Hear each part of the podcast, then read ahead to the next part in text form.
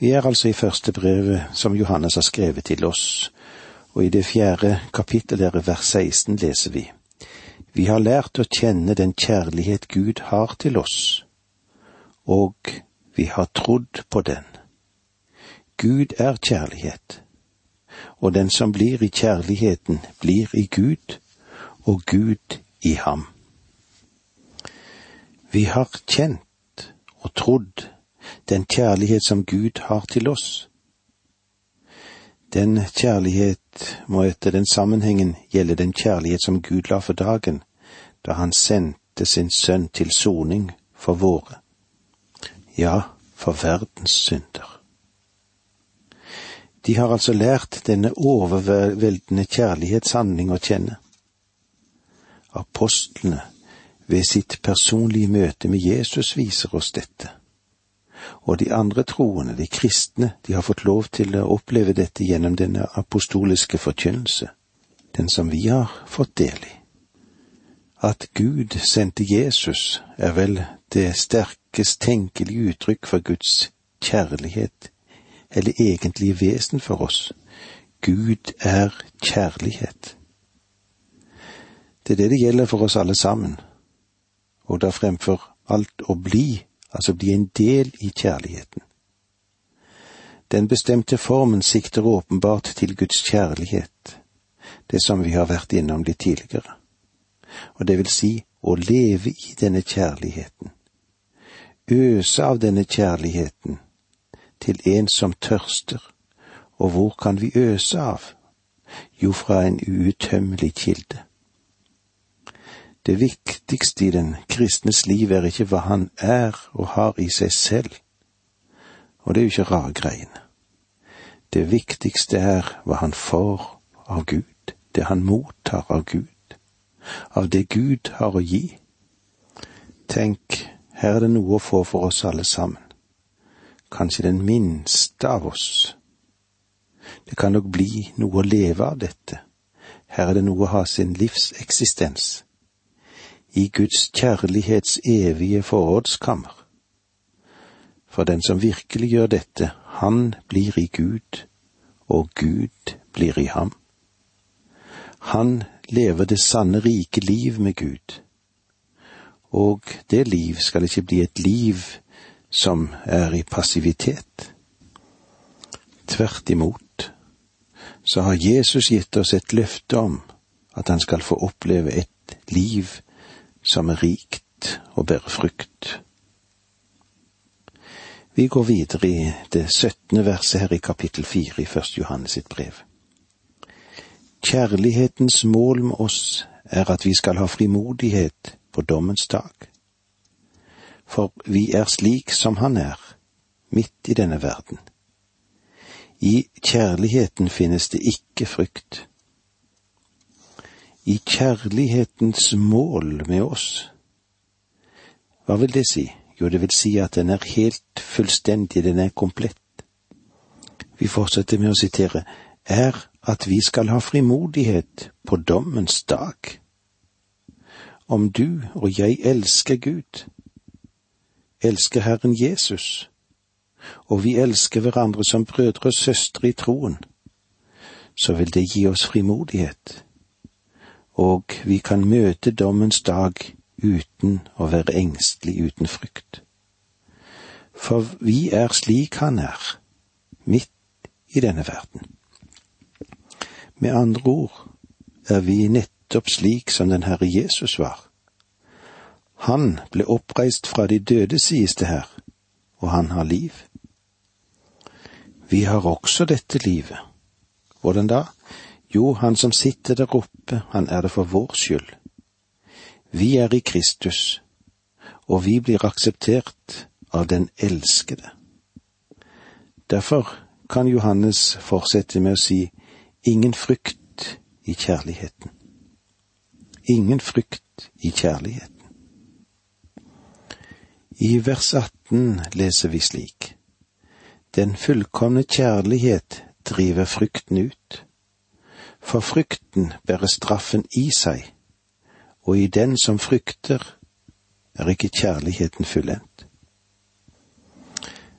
Det er vel ingenting som er mer vanskelig i menneskehjertet enn å fra frykt i seg. Men Guds barn, de behøver ikke å frykte for den dom som kommer. Den saken ble avgjort da Jesus døde for deg. I den som frykter, er ikke kjærligheten fullendt. Om du frykter, så kan du ikke glede deg over din frelse. Gleden kommer fra kjærligheten, og om du har kjærlighet til den Herre Jesus, til Gud og til dine trossøsken, da er frykten borte, for det er det som gir grunn til frykt som har forsvunnet, den er borte. Vi elsker fordi Han elsket oss først. Han elsket oss da vi ikke var verd å elske. Han er verd å elske. Han er verdig. La meg verdig all vår kjærlighet, all vår tilbedelse, all vår tjeneste. Vi elsker fordi Han elsket oss først.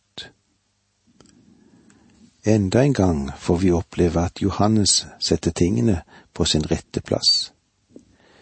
Vi elsker fordi Han elsket oss først. Hva kan vi si til dette? All ære til Gud. Alt er bare nåde. Også ting som vi måtte forsøke å prestere av kjærlighet. Vi elsker fordi Han elsket oss først. Vers 20 Om noen sier at han elsker Gud, men likevel hater sin bror, da er han en løgner. For den som ikke elsker sin bror, som han har sett, han kan ikke elske Gud, som han ikke har sett.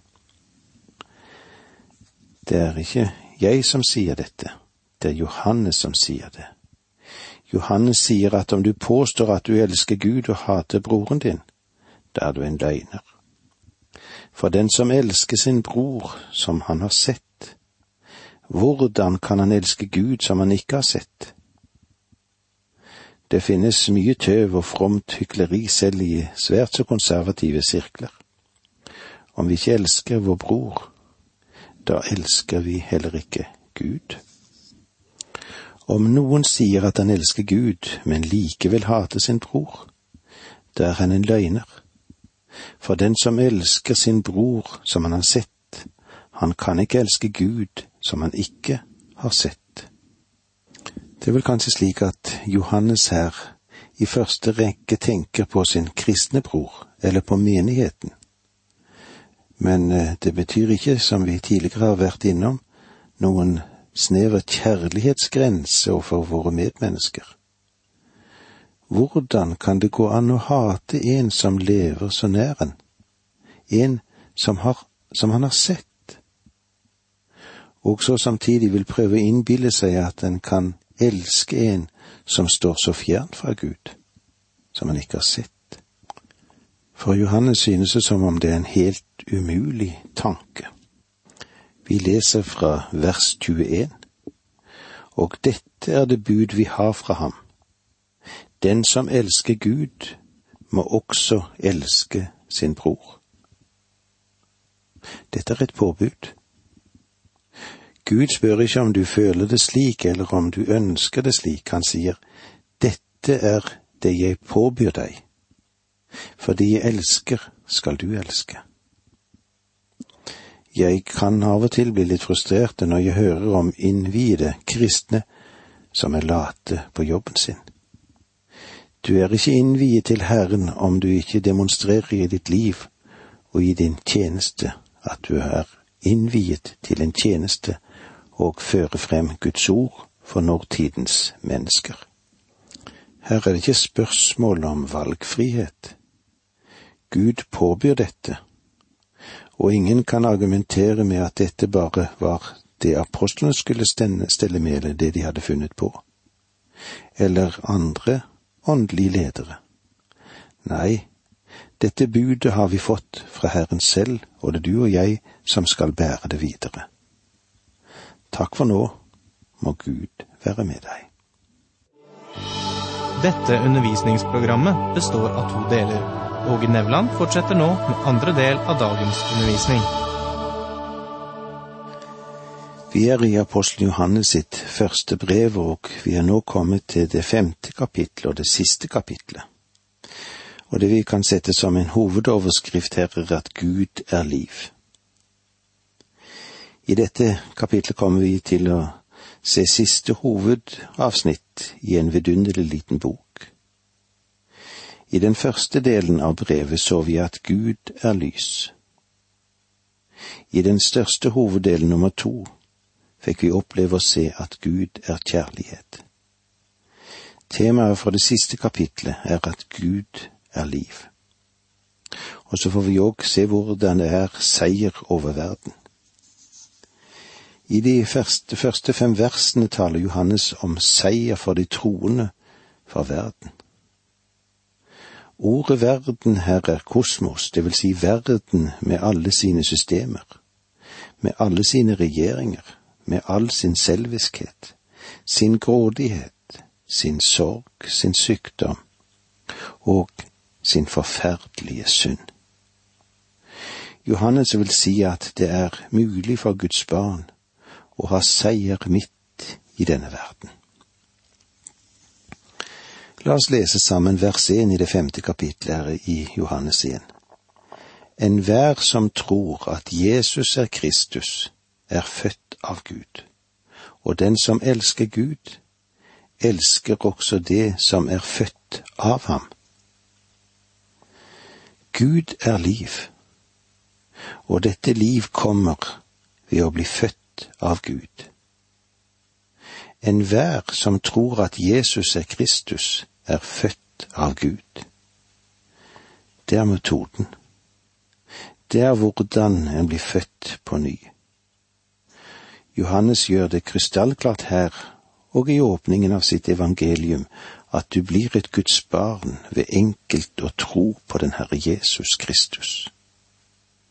I Johannes evangeliet, det første kapittelet der og i vers tolv, leser vi slik. Alle som tok imot ham, dem gav han rett til å bli Guds barn, de som tror på hans navn. Det betyr at når du stoler på Kristus, så stoler du på hvem han er, og like så mye på hva han har gjort. Det han har gjort, har ingen verdi om han ikke er den han har sagt seg å være. Og igjen må jeg få lov til å understreke at jeg ser jomfrufødselen her som en vesentlig del. Hvem er han som døde for verdens synd? Det var ikke et vanlig menneske som gjorde det, fordi et vanlig menneske er i seg selv syndefull og kan ikke engang dø for å oppnå sin egen frelse. Han kunne bare dø en død under dom og bli evig skilt bort ifra Gud. Vær den som tror at Jesus er Kristus, er født av Gud. Det er tro som skaper den nye fødselen. Når du da er født på ny, ja, hvordan kan du vite det? Har du en eller annen stor og veldende erfaring? Opplever du et øyeblikk av ekstase, kanskje? Nei, ikke nødvendigvis. Det er noen som gjør det. Men det er ingen betingelse, og mange, mange gjør det ikke.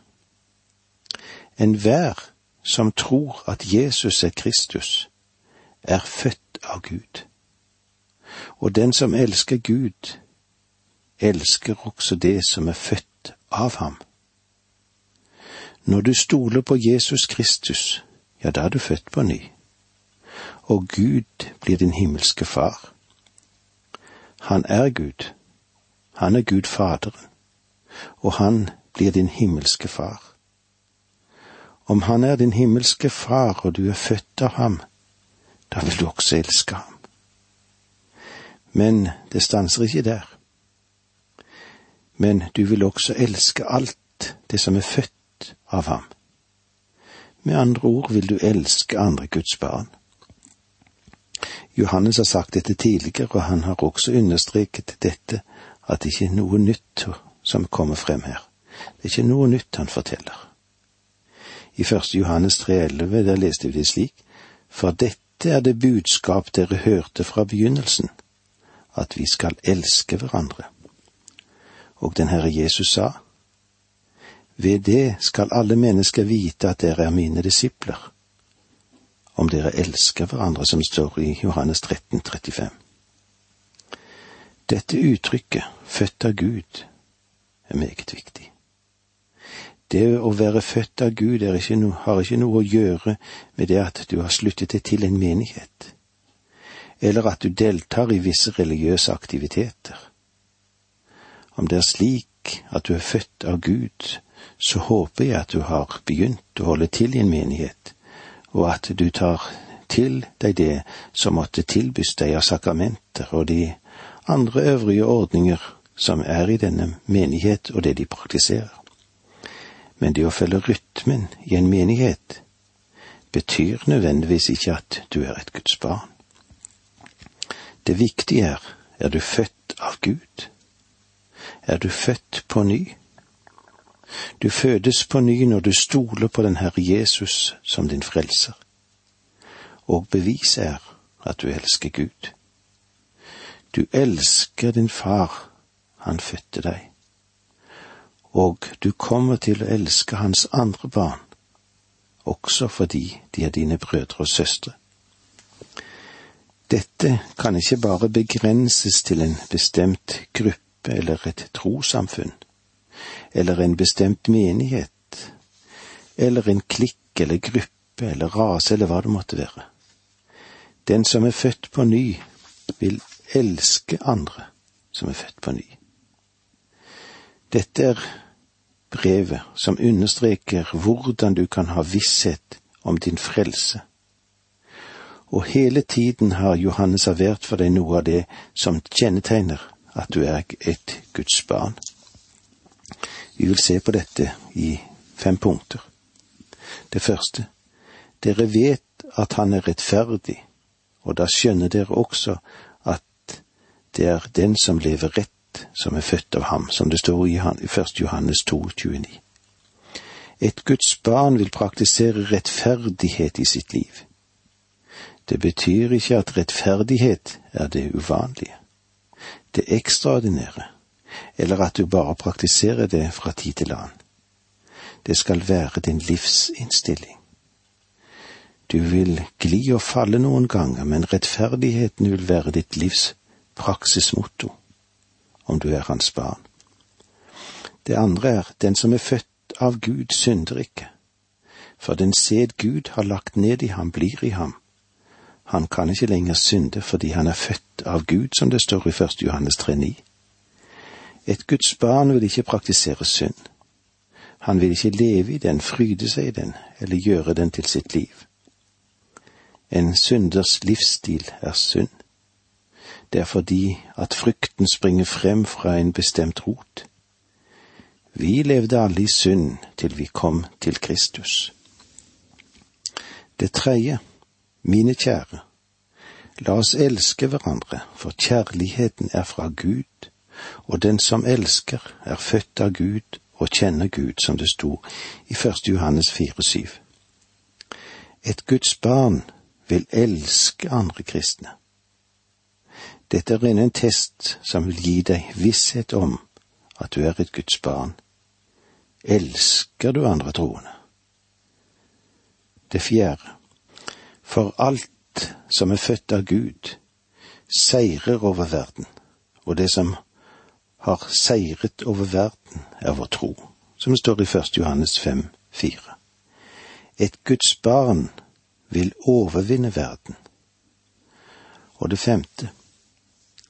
Vi vet at den som er født av Gud, ikke synder, for han som er født av Gud, bevarer ham, og den onde rører ham ikke, som det står i 1. Johannes 5,18.